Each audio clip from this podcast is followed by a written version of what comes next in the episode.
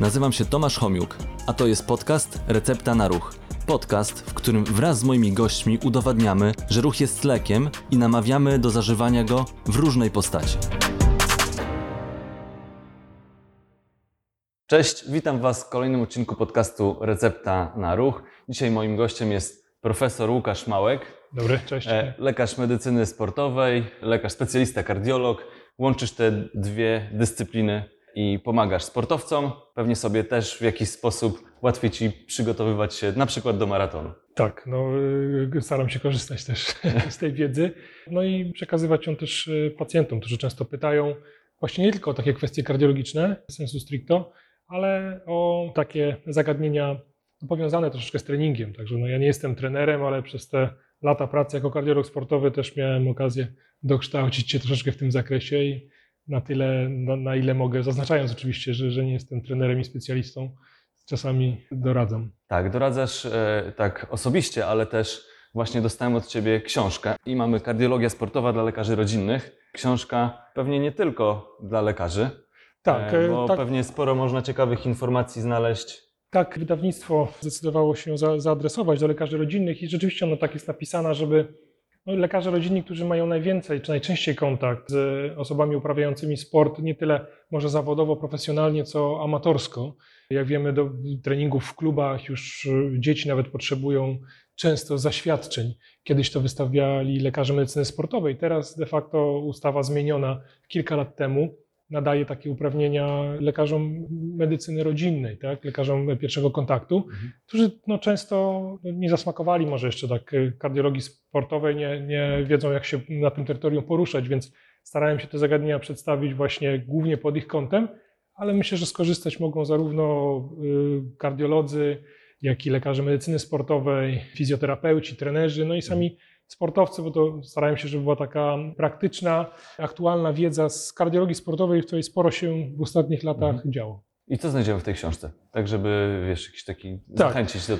No ona jest y, pisana tak, że w zasadzie każdy rozdział można czytać oddzielnie, więc nie trzeba jej tak od deski do deski od razu y, przeczytać. Część informacji jest takich bezpośrednio zaadresowanych do lekarzy, ale zaczyna się w zasadzie takimi rozdziałami dla każdego, czyli słowniczkiem terminologii y, związanej z aktywnością fizyczną, takich najważniejszych y, terminów, z którymi czasami się spotykamy i o które mnie pytają pacjenci, a nie do końca wiedzą, z czym się y, je, jak, jak pułap tlenowy, jak progi, jak y, ekwiwalent metaboliczny, jak tętno maksymalne, zakresy wysiłku, jak określać intensywność, tego Mhm. typu zagadnienia. Potem jest rozdział, w którym staram się przedstawić, po co ta aktywność fizyczna nam jest. Począwszy od takiego ewolucyjnego podejścia, poprzez to, że dzięki aktywności regularnej możemy żyć dłużej, ale też jakościowo lepiej, omówienia tych wszystkich korzyści, które mamy z aktywności fizycznej. Następnie to, z czym też y, nie tylko lekarze rodzinni, ale generalnie jako lekarze się borykamy, czyli zmotywowanie ludzi, którzy są nieaktywni do aktywności fizycznej. Jak to robić skutecznie, jakie wykorzystywać y, sposoby, na co y, się nastawić, o czym wspomnieć y, pacjentom, jakie, są, jakie będą problemy z początkiem aktywności fizycznej. Potem są rozdziały o, o tej jakby drugim biegunie, czyli bezpieczeństwie aktywności fizycznej. Co jeśli ktoś uprawia sport bardzo intensywnie, śrubuje wyniki, zaczyna coraz dłuższe dystanse, czy biegać, czy startować w Ironmanach, kilkukrotnych Ironmanach, czy to dalej jest zdrowe i bezpieczne, jak do tego podchodzi kardiologia sportowa i jak należy być przygotowanym. No i wreszcie takie rozdziały już czysto medyczne, czyli w jaki sposób prowadzić badania przesiewowe, z czego one powinny się składać, co powinno za nimi pójść. Przedstawione są też przykłady badań czy, czy przypadki kliniczne z, z mojej praktyki. No i wreszcie ostatni rozdział, czyli jak zalecać, jak przepisywać e, aktywność fizyczną osobom, które już chorobę jakąś serca mają. Pokutowało takie przekonanie, że jak ktoś ma chorobę serca, to już powinien prowadzić tylko i wyłącznie oszczędzający tryb życia, nic nie robić, najlepiej leżeć na kanapie. Okazuje się, że no, powodowało to więcej zła niż dobra, bo otyłość, wszystkie związane z tym powikłania narastały, a w wielu sytuacjach to ryzyko nie jest aż tak duże. Jeśli odpowiednio dobierzemy dawkę, intensywność, rodzaj sportu, to można zachować korzyści, a jednocześnie to, to ryzyko nie rośnie jakoś kosmicznie. No dobrze, na pewno spora dawka wiedzy, nie tylko dla lekarzy, bo tutaj mi się wydaje szczególnie takim tematem trudnym jest to jak zmotywować, zachęcić i po to, żeby te osoby rzeczywiście tą aktywność fizyczną jakąś miały. Także i dla lekarzy, i Mhm. dla trenerów personalnych, dla fizjoterapeutów to jest temat taki, który no, warto zgłębić. Ale zaczniemy od tego. Mam takie pytanie, co się dzieje w ogóle z naszym sercem, kiedy uprawiamy sport i, i też sport intensywny? To też y, opisuję w, w książce.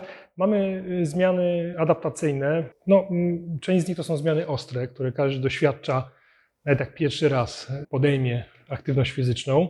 Im większa, im większej intensywności, tym one będą bardziej wyrażone. To znaczy to, co naturalnie czujemy, nawet jesteśmy w stanie to coraz częściej sprawdzić zegarkami. Przy dużej, mówimy na początku, wytrzymałościowej aktywności rośnie nam tętno, w ślad za tym rośnie ciśnienie tętnicze skurczowe. To już musielibyśmy mierzyć, żeby w czasie wysiłku, co rzadko ma miejsce, żeby, żeby sobie to sprawdzić, ale wiele osób o tym nie wie, że w ślad za wzrostem tętna rośnie nam ciśnienie Do jakich wartości? skurczowe. Do jakich wartości? No właśnie, wzrasta? są zdziwieni nawet w czasie próby wysiłkowej, że ciśnienie nagle osiąga wartości 190, 180. Wydaje się, że jest to y, nieprawidłowość. Tymczasem, jeśli ono nie przekracza u kobiet 190, jeśli chodzi o ciśnienie skurczowe, 200, 210 u mężczyzn, to jest to sytuacja prawidłowa. Ono powinno rosnąć w ślad za wzrostem tętna, mniej więcej od tętna powyżej 120. Na każdy 10 wzrostu tętna też o 10 rośnie ciśnienie e, skurczowe. U kobiet nieco mniej, u młodych osób mniej. Wraz z wiekiem, kiedy te nasze tętnice stają się bardziej sztywne, te wzrosty są większe. Z kolei ciśnienie rozkurczowe, czyli to, to do- dolne, nie rośnie. Ono nawet może nieznacznie e, spadać o 10-15 mm subartenci. No i to jest taka prawidłowa fizjologiczna reakcja. Problem jest z jednej strony, jak rośnie za bardzo to ciśnienie, a z drugiej strony, jak nie rośnie, albo wręcz w czasie Spada. wysiłku zaczyna spadać. To Mhm. jest wtedy sytuacja alarmowa, która wymaga dalszej diagnostyki. Oczywiście na co dzień nie mamy możliwości sprawdzenia tego, to w próbie wysiłkowej można, tak musielibyśmy się zatrzymywać albo mieć ze sobą ciśnieniomierz, czy wykonać na przykład wysiłek z podpiętym takim holterem do mierzenia ciśnienia Mhm. co kilka minut, ale on takie pomiary wykonuje co 20-30 minut, więc jest, jest to ciężkie do, do wykonania, ale to sprawdza się w próbie wysiłkowej. A jak to jest w sportach siłowych? Bo tam chyba te wartości jeszcze dużo bardziej rosną. Tak, w sportach siłowych z kolei wygląda to troszeczkę inaczej. To są często aktywności nie w tlenie, tylko na, na bezdechu Tak. wykonywane. Tam obserwowane są wzrosty ciśnienia skurczowego y, dużo wyższe, jeszcze do, do 300, do 400 czasami nawet, Mhm. ciśnienia skurczowego w czasie jakiegoś dużego rwania, dużego ciężaru, więc to też trzeba mieć na uwadze. To są chwilowe y, wzrosty ciśnienia. No też pytanie, które często dostaję, w takim razie dlaczego ten sport jest zdrowy, skoro to ciśnienie tak rośnie? Wiadomo, że im wyższe Mhm. ciśnienie, tym, tym gorzej. No, rośnie w czasie aktywności, ale to przygotowuje, adaptuje nasze e, naczynia, tętnice, powoduje, że one e, zachowują swoją elastyczność i w tych okresach poza aktywnością fizyczną, które jednak dominują, bo nikt nie ćwiczy więcej niż to kilka godzin dziennie i większość doby to jednak nie ćwiczymy, to ciśnienie jest dużo lepsze, czyli dużo niższe wartości. To nawet można po aktywnościach fizycznych własnych sprawdzić, że najczęściej najniższe ciśnienie mamy po jakimś intensywniejszym, dłuższym treningu.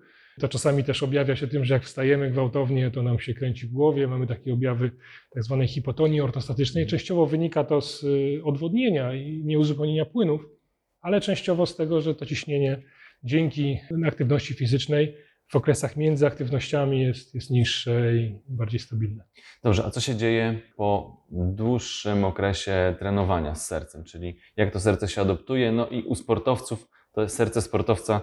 W poprzednim odcinku podcastu tylko tam zaczepiliśmy Mhm. temat, a tutaj jakbyś mógł rozszerzyć trochę, czym jest to serce sportowca. Więc takich zmian adaptacyjnych długoterminowych można się spodziewać u osób, które e, trenują intensywnie, co najmniej umiarkowanie, jeszcze bardziej intensywnie, no, y, około 4-6 godzin tygodniowo. Tak? Czyli to nie, nie są treningi takie rekreacyjne, sporadyczne, y, tylko to musi być kilka godzin tygodniowo treningów. No, przez y, tak naprawdę najlepiej lata. To po kilku miesiącach one zaczynają się zarysowywać, ale tak naprawdę po latach są bardziej wyrażone im wcześniej ktoś zacznie trenować. Czyli Mhm.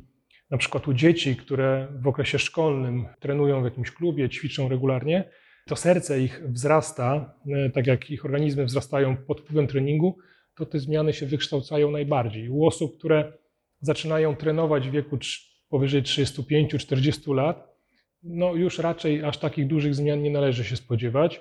Raczej zachowania tego status quo, może troszeczkę poprawy elastyczności serca, ale nie takich zmian typowych dla serca sportowca. Na czym polegają te zmiany? No serce po prostu, szczególnie przy wysiłkach takich wytrzymałościowych, kiedy potrzebny jest duży, duża objętość krwi minutowa, najduży jej przepływ do mięśni szkieletowych, żeby dostarczyć tlen, po prostu się powiększa. Każdy ma tętno maksymalne mniej więcej stałe, wyrażone wzorem 220 minus wiek. Tych wzorów jest kilka, ale tutaj nie jesteśmy w stanie z tym nic zrobić. Pod wpływem treningu to też jest takie kolejne zagadnienie, o które często dostaję pytania, czy jak będę trenować, to moje tętno maksymalne wzrośnie albo obniży się. Nie, to jest wartość stała, ona się obniża z wiekiem po prostu, Mhm. ale nie rośnie, nie zmienia się. No więc tutaj nie jesteśmy w stanie pod wpływem treningu tego w jakiś sposób wytrenować. Natomiast y, no, na tą naszą objętość przepompowanej krwi składa się częstość uderzeń serca, ale też objętość pojedynczego wyrzutu. I tutaj rzeczywiście serce, dzięki temu, że ma możliwości, szczególnie młode, powiększenia się, jest w stanie w czasie jednego rzutu wypuścić z siebie więcej krwi. Przemnożone to przez podobną liczbę maksymalnych skurczów da jednak większą objętość krążącej krwi, tym samym więcej tlenu będzie dostarczone do mięśni. No i taka osoba będzie mogła wykonywać większe wysiłki, bardziej intensywne, mieć lepsze wyniki. Oczywiście to powiększenie serca nie jest mm, jakieś nie, nieskończone. Ono znajduje się w worku osierdziowym, który blokuje bardzo duże tak. rozrastanie się serca. No ale o 10-15%, czasami do 30% u takich najbardziej wytrzymałościowych sportowców, wszystkie symetrycznie jamy powiększają się, zarówno przedsionki, jak i komory. Jeśli chodzi o grubość mięśnia, ona troszeczkę może się zmienić, ale raczej mm, to jest kwestia milimetrów. Nie, nie, nie powinien być grubszy mięsień. No i y, w ślad jeszcze za tą taką, my nazywamy to strukturalną adaptacją, idzie adaptacja czynnościowa, co z kolei w późniejszym wieku dominuje, czyli serce może nie tyle kurczy się lepiej, bo ono kurczliwość ma podobną, ale rozkurcza się lepiej, więc w związku z tym lepiej zasysana jest krew, szybciej się to odbywa i może dzięki temu lepiej pracować. No i ostatnim elementem tej adaptacji to jest zwolnienie tętna spoczynkowego, które troszeczkę idzie w ślad za tym powiększeniem serca. Skoro mamy duże serce, to w spoczynku ono może pompować wolniej, a i tak przypompuje taką samą objętość 4-5 litrów niż u osoby, która ma mniejsze serce. Dlatego często sportowcy mają tętno po 40-45 uderzeń na minutę w spoczynku, a reszta populacji 60-70 albo i więcej.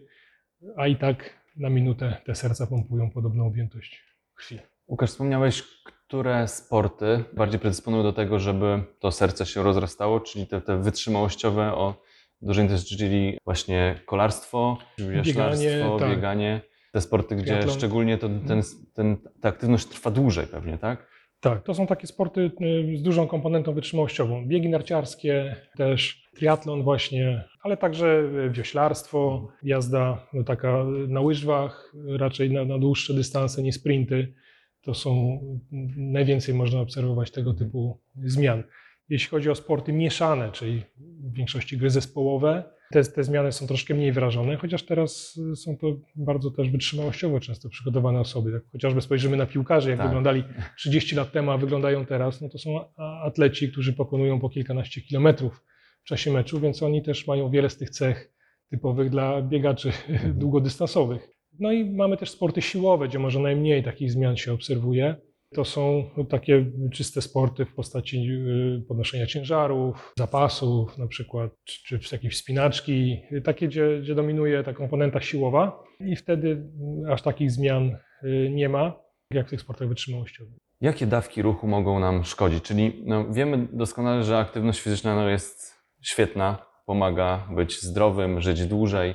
Są pewne granice tej aktywności. To minimum to jest te 150 minut tygodniowo umiarkowanego wysiłku i 75 minut intensywnego, ale możemy te minimum mnożyć, e, żeby, doda- żeby uzyskać dodatkowe korzyści. Fajne badanie tam widziałem u Ciebie na profilu w mediach społecznościowych, też zrobiłem z tego odcinek podcastu, który mówi o tym, że 3-4-krotne zwiększenie tego minimum daje dodatkowe korzyści. No, ale jest pewnie, pewnie gdzieś tam ta granica, że tą aktywność fizyczną można przedawkować i sobie zaszkodzić. Gdzie jest ta granica? To jest takie właśnie długo komentowane pytanie w kardiologii sportowej. Jak, jak śledzę y, te doniesienia i konferencje, to na przestrzeni ostatnich kilkunastu lat ono ciągle powraca. Kiedyś po prostu była mała grupa osób, która uprawiała amatorów, także nie tylko młodych osób, które startowały na olimpiadach i zawodach, ale teraz coraz częściej osób w wieku średnim, które uprawiały tego typu długodystansowe y, sporty, czyli triatlony, maratony, y, swimruny. Teraz liczba osób, które się w to bawią, znacznie wzrosła. Więc tak naprawdę kiedyś brak wiedzy na ten temat wynikał z tego, że mała grupa była osób do, do analiz, głównie młodych, które no siłą rzeczy są zdrowe, bardzo przebadanych, wyselekcjonowanych. Tam y, specjalnie nie obserwowano szkód. Wiemy, że medaliści olimpijscy, tacy za- zawodnicy zawodowi, olimpijczycy żyją dłużej, y, mimo tego, że tak intensywnie trenują. No ale oni często kończą trenować w wieku 30-40 lat, potem już albo w ogóle nie uprawiają sportu, albo podtrzymują, no ale w każdym razie już nie w takim zakresie. Bardziej y, taka, może nie tyle niepokojąca, co zastanawiająca jest ta grupa osób, które nie trenowały i nagle doznają takiego przebudzenia w wieku 30-40 lat Mhm. I postanawiają nie tylko trenować te minima, czyli te 150, 300 czy nawet 450 minut, ale zaczynają bardzo intensywnie trenować, czasami kilka razy dziennie, na przykład przygotowując się do Ironmanów. Czy to dalej y, jest tak samo bezpieczne jak w tej po- poprzedniej omówionej grupie? No i dopiero w ciągu ostatnich lat, kiedy to tak eksplodowało, popularność tych sportów, my zaczynamy gromadzić dane na ten temat i przyglądać się, jak to wygląda. Ten okres obserwacji wciąż jest dosyć krótki. Jeszcze 20 lat temu na, na startach, poza tymi dużymi maratonami, nawet w Warszawie to było kilkaset osób, nie Mhm. kilka tysięcy, więc y, wymaga to jeszcze czasu obserwacji. Natomiast te wstępne badania pokazują, że jeśli jest to robione w sposób bezpieczny, to znaczy wykluczy się czynniki ryzyka, takie, które przez ten intensywny sport będą potęgowane, na przykład ukryte nadciśnienie tętnicze, o którym często osoby, dopóki nie zaczną sobie mierzyć tego ciśnienia, nie wiedzą. Jeśli sprawdzą, że tego ciśnienia nie ma, no to, to jest to bezpieczne. Natomiast trenowanie na przykład z podwyższonym ciśnieniem, które występuje u jednej trzeciej sportowców, A sport no, jeszcze dodatkowo, dodatkowo podnosi. tak, e, może powodować no, więcej spustoszeń niż, niż korzyści. Druga rzecz to jest wysoki cholesterol, e, który też warto w tej grupie już sprawdzić, zobaczyć, czy nie ma ryzyka choroby wieńcowej. Więc o ile nie ma tych czynników, albo są one wyrównane pod kontrolą, nie doszło do jakichś powikłań, to raczej badania pokazują, że m, ciężko jest jakieś dawki maksymalne, takie, które już zaczynają być niebezpieczne, określić, ale też w związku z tym jakoś się przekroczyć. Więc nawet Mhm. jeśli te minima, o których y, mówiłeś, są pięcio, dziesięciokrotnie przekroczone, to y, aż tak wyraźnie nie widać wzrostu ryzyka. Może nie ma dodatkowych korzyści, ale to ryzyko jeszcze tak y, dramatycznie nie rośnie. A tak naprawdę w, na dużych liczbach y, przekonamy się, jak to wygląda za, Za parę lat, lat, za tak. kilka lat, jak będziemy mieć więcej, więcej danych. Trochę więcej mają y, Skandynawowie, którzy biegi narciarskie takie na dłuższych dystansach od, od lat tam uprawiają i oni już grupę tych narciarzy y, biegowych y, badają. No i tam jakiegoś takiego specjalnie wzrostu ryzyka nie ma. Tak?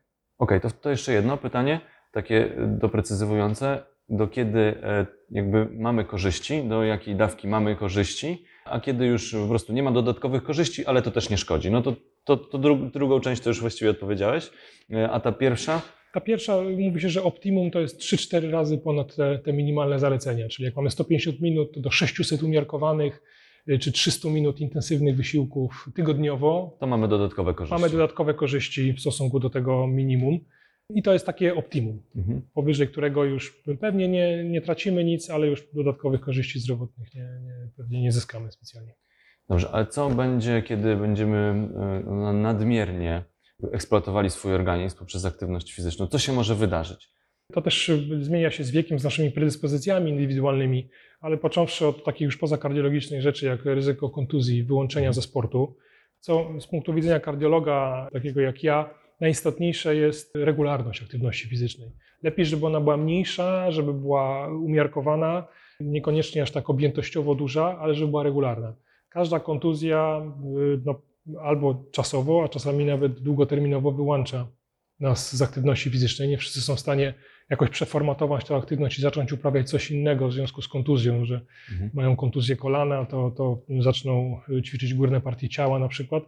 Wiele osób zaprzestaje po prostu uprawiania sportu na długie miesiące, czasami w ogóle. No, jakby przestraszona i zniechęcona tym, że Mhm. doszło do kontuzji, a przecież miało być lepiej, mieliśmy być zdrowi. No więc to jest ta ujemna strona nadmiernego trenowania, że jest duża grupa osób, które trenują bardzo intensywnie, wchodzą w te treningi mając 30-40 lat, bo wreszcie mają czas, środki i chcą to robić, ale ponieważ zaczynają trochę zbyt wysokiego C, szybko doprowadzają swój organizm do, do takiej dewastacji wynikającej z tego, że on był nieprzygotowany do takiej intensywności, dochodzi do kontuzji i zaprzestają. I, Mhm. i taki zryw kilkuletni no, niestety jest, jest mało e, korzystny. Lepiej jest zrobić to łagodniej, ale już jak zacząć, no to kontynuować do końca życia tą aktywność. Więc to jest pierwszy element. Drugi no to jest y, wiele takich elementów, które pojawiają się y, przy bardzo intensywnych treningach, z, gdzie, gdzie ten bilans kaloryczny jest jednak zaburzony. Wiele osób ma ujemny. Nie jesteśmy w stanie tyle zjeść, ile spalamy w czasie takich intensywnych treningów. No i pojawiają się różnego rodzaju niedobory. To może być spadek odporności, częstsze infekcje, to może być niedokrwistość. Często obserwowana u takich ultra y, zawodników, że brakuje nam żelaza, to się odbija już potem na liczbie czerwonych krwinek. E, Brakuje nam innych mikroelementów, w związku z tym mogą się pojawić zaburzenia rytmu, mogą się pojawić zaburzenia nastroju. No i wtedy ciężko jest tak naprawdę mówić już tylko i wyłącznie o, o zdrowiu takich treningów, a, a często te osoby zaczynają się borykać z różnego rodzaju problemami, które nawet nie do końca są w stanie Skojarzyć. skojarzyć czy zdiagnozować i zamiast skupić się i, i cieszyć z tych treningów, no to, to chodzą po lekarzach. To też czasami z, zniechęca. Chyba to nie o to, tak, nie o to w tym wszystkim chodzi. I czasami po prostu ta regeneracja, wystarczy miesiąc, dwa, trzy regeneracji, albo zmniejszenie intensywności wysiłków i się okazuje, że wszystko wraca do normy. No, musimy też mieć na uwadze, że nasze organizmy no, nie są maszynami, nie jesteśmy robotami, się starzeją naturalnie. Mają 40-50 lat, mamy swoje ograniczenia, Dlatego sportowcy zawodowi raczej w tym wieku już są dawno na emeryturze, a nie śrubują wyniki. No, w niektórych dyscyplinach jeszcze sobie radzą nieźle, Tak. ale większość rzeczywiście tak. Łukasz, jeszcze mam takie jedno ważne pytanie, tak mi się wydaje. Wiemy, jakie jest e, nasze maksymalne tętno wysiłkowe. 220 minus Y, inne wzory też można wykorzystać. Co się e, może stać, kiedy, a są takie osoby, które jednak przekraczają te limity? Znaczy tak, ten, ten wzór przede wszystkim jest wzorem orientacyjnym, tak? Tak. I to też często ludzi przeraża, że ta znajomość wzoru jest dość powszechna. Wyliczają sobie, że tętno maksymalne powinno być dla mojego wieku powiedzmy 180, a nagle ja y, y, biegnę czy uprawiam jakikolwiek inny sport bardzo intensywnie i ono zbliża się do 190. Po pierwsze ten wzór, no, y, on ma y, pewną swoją granicę błędu, plus 10, minus 10 uderzeń. Mhm. Są osoby, które mają niższe, są osoby, które mają wyższe tętno maksymalne. Może moje właśnie jest to te 10 wyższe, a kogo innego o 10 niższe. To też pokazuje, że nie powinniśmy porównywać swojego tętna z tętnem innych osób, które z nami biegają, bo to jest bardzo indywidualna sprawa. Natomiast jeśli serce jest zdrowe, jeśli nie mamy żadnych objawów, y, nie ma cech choroby serca, to i ryzyko trenowania na najwyższym tętnie, na najwyższych obrotach, no jest bardzo y, niskie, tak? To, y, Także spokojnie możemy, z zachowaniem tych wszystkich rzeczy, o których mówiliśmy, no, to nie mogą być tylko i wyłącznie takie treningi na maksa. Muszą być y, i te łagodniejsze, i okresy regeneracji, ale ryzyko wtedy jest, jest bardzo niskie, że coś się stanie. Po prostu dochodzimy do granicy, powyżej której to tętno nie wzrośnie.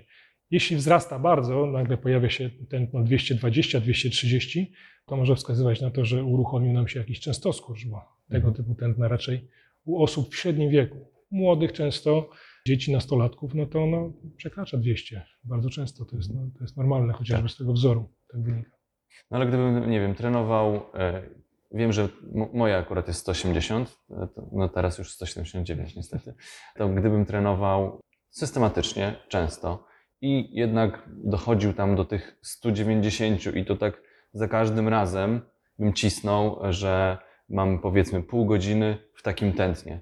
Czy coś może, czy, czy mam jakieś Jeśli- ryzyko? Jeśli serce jest zdrowe, e, jeśli nie ma tam jakiejś ukrytej wady albo jakiejś choroby nabytej, sprawdziliśmy to, jesteśmy dobrze nawodnieni, do, dobry mamy poziom elektrolitów, nic się nie powinno, nic się nie powinno stać. No często na zawodach przecież doprowadzamy to tętno przez y, wiele minut do takich wartości, tak? Im krótszy jest to, im krótszy jest to wysiłek, tym wyższe tętno, na wyższym, na wyższym tętnie się odbywa. No.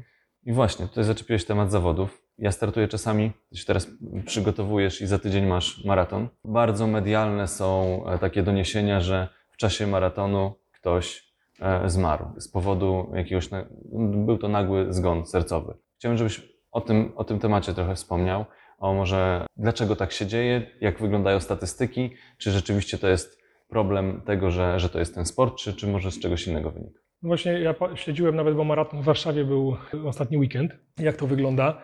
Trochę martwi mnie, że te doniesienia medialne to skupiają się na dwóch rzeczach. Pierwsze to, że są zamknięte ulice, Tak. a drugie, jeśli dojdzie do jakiegoś pojedynczego zdarzenia, to jest druga informacja. No i finalnie jedyne informacje, jakie dostajemy po takim biegu maratońskim, które ktoś potem może skomentować przy obiedzie, to no i znowu był ten maraton, nie dość, że były korki, to jeszcze ktoś umarł, to najlepiej nie uprawiajmy tego sportu, to, jest niebezpieczne, zjedzmy, zjedzmy porządny obiad. Tak? Nie jest to promowane jako święto biegania, jako coś, co, co przynosi więcej korzyści, a tak w rzeczywistości jest. No nie powinniśmy się nadmiernie bać. To są bardzo izolowane przypadki tych nagłych y, zdarzeń. Y, Dane takie światowe pokazują, że to jest mniej więcej u osób w średnim wieku około jednego, dwóch przypadków na 50 tysięcy. Tak? No więc jeśli mamy bieg masowy, taki jak na 10 kilometrów, czy maraton w Londynie, czy w Nowym Jorku, gdzie bierze udział 50 tysięcy ludzi, można się spodziewać, że jedno, dwa takie zdarzenia wystąpią. Tak samo na kilku biegach maratońskich, łącznie w Polsce to jest około 50 tysięcy osób, prawdopodobnie do jednego takiego zdarzenia dojdzie. Z czego to wynika? No, y, przed większością tego typu imprez nie są wymagane badania przesiewowe. Każdy może wystartować, podpisuje tylko informację, że startuje na własną odpowiedzialność. W związku z tym duża, osób, duża część osób nie jest przebadanych. Nie, nie ma stwierdzonych, czy, czy ma, czy nie ma chorób, a, a wiele z tych chorób może nie dawać objawów, ponieważ szczególnie w odniesieniu do takich biegów jak maraton, nikt tych maratonów na co dzień nie biega, więc możemy czuć się dobrze, nawet przy niewielkich wysiłkach krótszych czuć się dobrze, a zweryfikuje nas dopiero ten bieg e, maratoński, który no, jest już ultra ekstremalnym wysiłkiem. Więc to wynika z tego, że, że po prostu wiele osób nie poddaje się tym badaniom, uznając, że czuje się dobrze. Druga rzecz jest taka, że te badania też nie są w stanie podstawowe wykryć wszystkiego zawsze. No, one są ograniczone do pewnej y, grupy y, testów, które robimy. To może być EKG, echo, próba wysiłkowa, ale to mm, czasami nie pozwala odpowiedzieć na wszystkie pytania. Wreszcie dochodzą takie czynniki, których w takich badaniach w warunkach kontrolowanych nie jesteśmy w stanie zweryfikować, jak dyspozycja dnia, jakaś infekcja, która się pojawiła, temperatura, przegrzanie, zaburzenia elektrolitowe właśnie, które na takim długim dystansie mogą się pojawić, które mogą się dołożyć do, do, do tego i spowodować takie nieszczęście. Ale jak mówię, są to bardzo rzadkie zdarzenia, więcej osób korzysta, czyli globalnie, populacyjnie korzyści z tego są wyższe niż, niż ryzyko. No tak, pewnie jakby przebadać e, grupę osób, które, nie wiem, pracują w ogródku i, i kopią ogródek i porównać, to pewnie podobnie by wyszło, tak? Tak, zresztą do takich zdarzeń jak nagłe zatrzymanie krążenia dochodzi kilkadziesiąt razy codziennie w Polsce. Nikt o tym nie mówi. To są zdarzenia na, na stacji benzynowej, w sklepie, we śnie, w domu. To się do mediów Medialne to nie, nie przebija, no bo po prostu ktoś, kto uprawiał pole albo szedł do pracy, nagle umarł. Natomiast jak umrze na maratonie biegacz, no to się staje medialne, bo wynika to z takiego dysonansu poznawczego. No, osoba zdrowa, która poszła biegać, nagle, nagle zmarła, tak? Mhm. Ale to są izolowane zdarzenia. Łukasz, a jak wygląda sprawa suplementacji, szczególnie u tych sportowców amatorów? No bo zawodowcy rozumiem, że mają jakąś tam opiekę, natomiast z takiego Twojego doświadczenia klinicznego, gabinetowego, jak to wygląda wśród sportowców amatorów? Ja nie jestem, zresztą tak też y, zalecenia, one się pojawiły w zeszłym roku też do- dotyczące suplementacji kardiologicznej, podchodzą zwolennikiem jakiejś takiej zapobiegawczej, nadmiernej suplementacji. Powinniśmy uzupełniać te elementy, które tracimy. Głównie jeśli, jeśli już do mnie trafiają osoby z, często z zaburzeniami rytmu, no to jest suplementacja elektrolitów. To, to jestem w stanie zrozumieć, ponieważ no, uprawiając wysiłki intensywne, szczególnie latem, ale, ale nie tylko w zamkniętych przestrzeniach, a tak naprawdę jakiekolwiek my pocimy się. Z tym potem tracimy płyny, ale tracimy też elektrolity, tracimy sól. To każdy, kto dużo biega, wie, że po takim zakończonym biegu to czasami tą sól może zbierać z Tak. twarzy czy z ciała po prostu y, ręką. Y, No i to musimy uzupełniać. Czysta woda nie zawsze wystarczająco dużo tych, tych elektrolitów zawiera, więc y, magnez, y, potas y, i pozostałe warto uzupełniać sobie. Natomiast jeśli chodzi o inne elementy, ja tutaj nie, nie, nie jestem zwolennikiem i o ile nie ma stwierdzonego wyraźnego niedoboru, jakichś objawów z tym związanych, to nie należy pewnie ich Mhm. stosować niepotrzebnie. To jeszcze pytanie dotyczące mitów związanych z aktywnością fizyczną. Z jakimi najczęściej takimi mitami się spotykasz? Chociażby właśnie część z tych, o których już, już mówiliśmy, o tym tętnie maksymalnym, o bieganie takie bardzo intensywne, maratońskie może, może być szkodliwe. To jest bardzo częste pytanie, które y, dostaję nawet w stosunku do swojego biegania, że przecież to jest, y, to jest nienaturalne i, i niebezpieczne. To są chyba takie najczęstsze y, mity. Prawda jest taka, że jeśli jesteśmy dobrze przygotowani, może rzeczywiście ewolucyjnie ludzie nie biegali nigdy maratonów, nie robili triatlonów, ironmanów. Raczej tak y, badania pokazują, że pokonywali kilkanaście kilometrów głównie polując, a nie 40, 50 i więcej. I te wysiłki nie trwały kilka godzin, tylko godzinę, dwie. Na tyle mamy zresztą glikogen, też y, on się zużywa po tym czasie. To też jest ewolucyjnie powiązane, że to były tego typu aktywności. No to jeśli jesteśmy dobrze przygotowani, jeśli rzeczywiście adekwatnie się przygotujemy, to to ryzyko y, nie jest takie duże. Naj, na- najgorszą sytuacją to jest próba zrobienia czegoś, co przerasta nasze możliwości, do czego ewidentnie nie jesteśmy przygotowani. W formie zakładu, y, że, że jak to my nie damy rady przebiec maratonu albo półmaratonu, albo, albo złamać tak 50 minut czy 40 na 10 kilometrów bez przygotowania. To są takie najbardziej niebezpieczne sytuacje.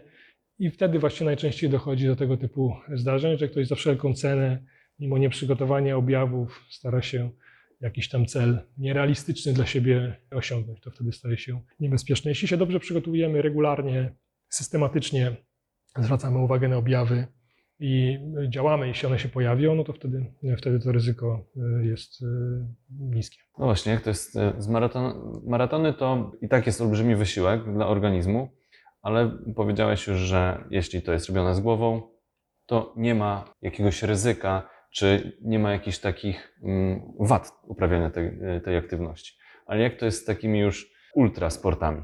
No tutaj te granice to są bardzo indywidualne. Też musimy y, wziąć pod uwagę, że takie ultra, y, naprawdę y, graniczne sporty to uprawia jednak mała liczba osób, które no jakoś są genetycznie predysponowane do tego, więc jeśli widzimy kogoś, kto biega biegi na 5000 kilometrów, to nie znaczy, że my też będziemy takie biegi mogli biegać. To jest jakby kolejny mit taki, że my często patrzymy na siebie przez pryzmat y, innych osób. No, każdy z nas jest e, i e, autonomiczną jednostką i, i to, że ktoś jest w stanie bez kontuzji, bez jakichś nadmiernych e, powikłań tego typu wysiłki wykonać, to niekoniecznie musi oznaczać, że każdy jest w stanie. Tak samo z dziesięciokrotnym Ironmanem, czy nawet z dwukrotnym.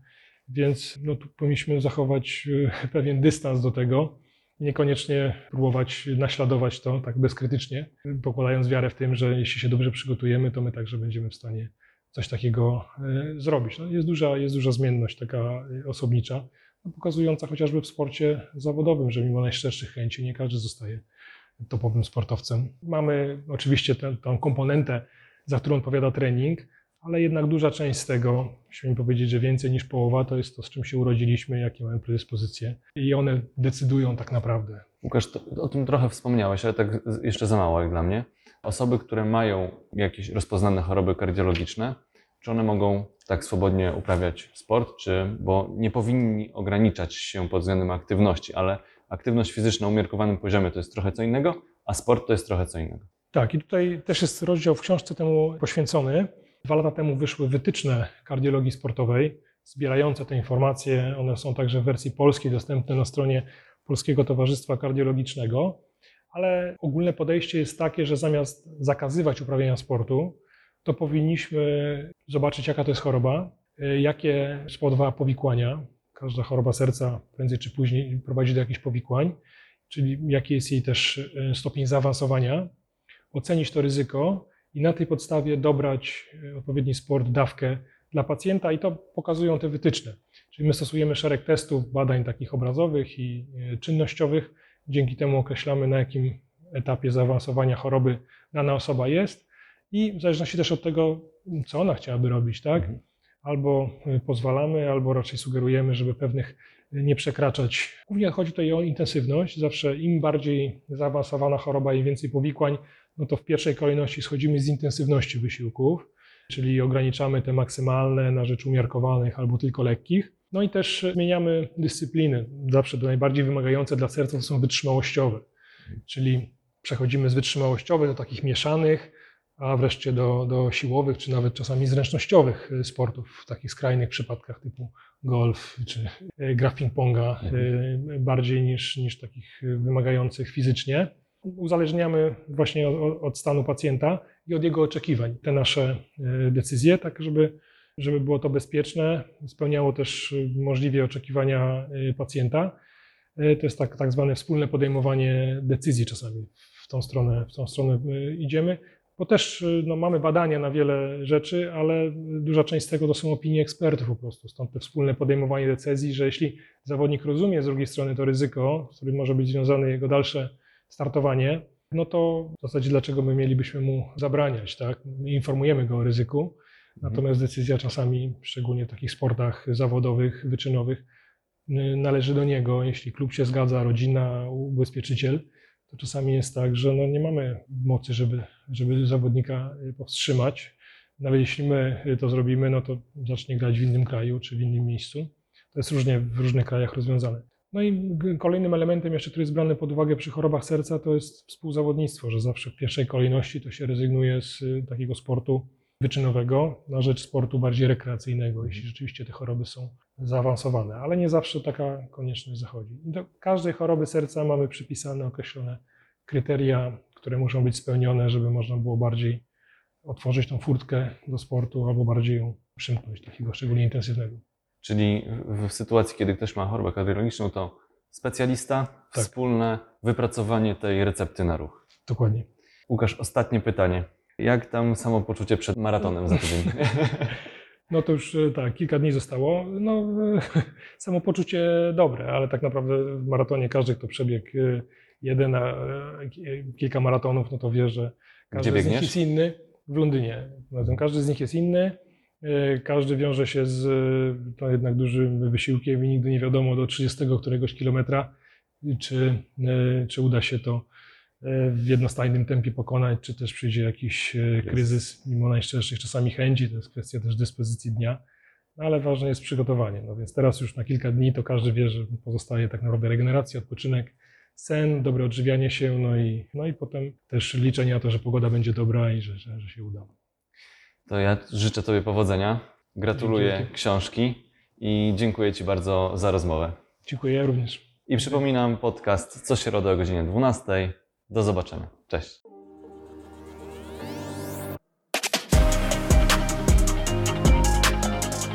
Dzięki, że byliście. Mam nadzieję, że zostaniecie tutaj na dłużej. Jeżeli chcecie być na bieżąco, zasubskrybujcie kanał Recepta na Ruch.